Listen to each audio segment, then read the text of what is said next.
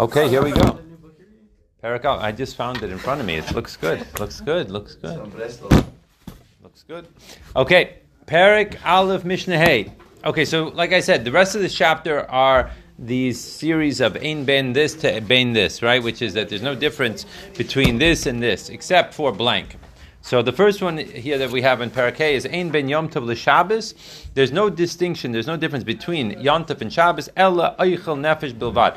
Only difference is with regards to preparing food. So as we know, on Yom Tov you are allowed to prepare food. On Shabbos you are not allowed to prepare food. Then he goes to another one. Ein bin Shabbos Yom Kippurim. There's no difference between Shabbos and Yom Kippur. Whoops.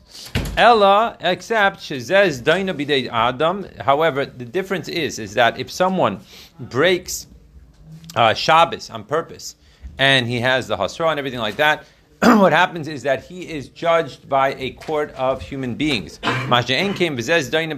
However, with regards to Yom Kippur, if a person on purpose uh, goes against uh, Hashem on Yom Kippur, right, he desecrates Yom Kippur, then he is punished by kares, which obviously means that's coming from the Din Shel Maila. Okay, Mishnah Vov. Again, So there's no distinction between a person who makes a neder, like a, um, a vow, that he will not get any benefit from his friend, as compared to a person who says that I will not get any benefit, not benefit, but I will not get any food related benefit from my friend, except ella drisas haregel. However, there is a distinction. What's the distinction? Number one is drisas haregel, which means to be able to use the other person's land in order to walk across, and uh, the kalim she'eno bahem oichel nefesh, and also he would be able to presumably borrow or use uh, utensils that were not used for uh, to make uh, to make food. As long as we are on the concept of neders, and uh, so now he goes on to the idea of a neder and an adava. So it says like this: Ein ben nedarim ben nedavas. There is no distinction between nedarim and nedavas. Here we're talking about bringing karbanas.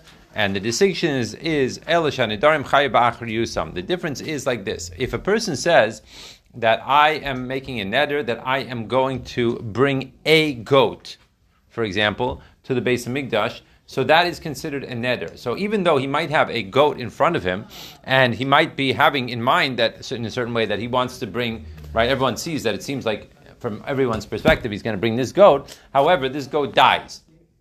So now he, however, said he's not necessarily going to bring this goat. He said he's going to bring a goat. So now that he said that he's going to bring a goat, it's his responsibility to find another goat and bring it. However, a nadava, when nadava is However, when a nadava is where he says, "I'm going to bring this goat." So now, let's say this goat is uh, stolen or dies or it's lost or whatever happens to this goat, right? So now the goat is no longer in the picture. So therefore, in that situation, he would no longer be responsible to uh, to uh, bring it. Like it says in the Gemara, brings like he has the responsibility on his shoulders with regards to. Uh, with regards to a neder, masha ein kain but the nedava. Let's do one more uh, mishnah.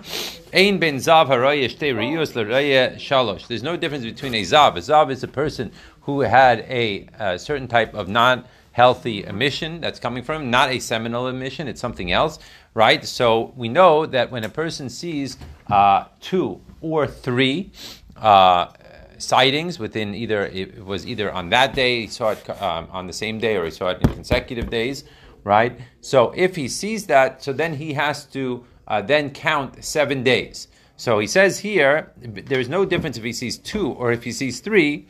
Ella, a korban. The only difference would be that they both would have to count the seven clean days, and they would both be people that are uh, affecting tuma, right, wherever they go, wherever they do, and with regards to mishkav and, and all the different things that it says over there in the Gemara, right. Um, however, the distinction would be that someone who saw three sightings, he would have to bring a korban. Masha Enkin is not the case with the person that saw two. And then it says Ein be mitzora uh, uh, musgar le mitzora muchlat. Now here he's talking about a mitzora. Mitzora is someone who has a uh, skin uh, blemish that Hashem sent. It's a spiritual disease, not a physical disease. I mean, it's manifest in the physicality, but it's a spiritual disease. And we know that what happens is that a kohen has to look it over. However, there is a distinction. If you already suspect that a person has this, then he has to be uh, put away, like not put away, but he has to go in bidud. We all know what bidud is nowadays, quarantine, right? So, but there's no difference between a mitzora hamusgar, that's musgar, means he is in quarantine, compared to a mitzora that has already been certified by a kohen that he is actually has tsaras. In other words, the first one, he's just still in the waiting period to see what happens, right? Like the guy took the PCR, and we're still waiting to see if he really has it or doesn't have it. Masha Inkin, the other guy, bang, we know that he has it already, but they're both sitting there waiting in quarantine.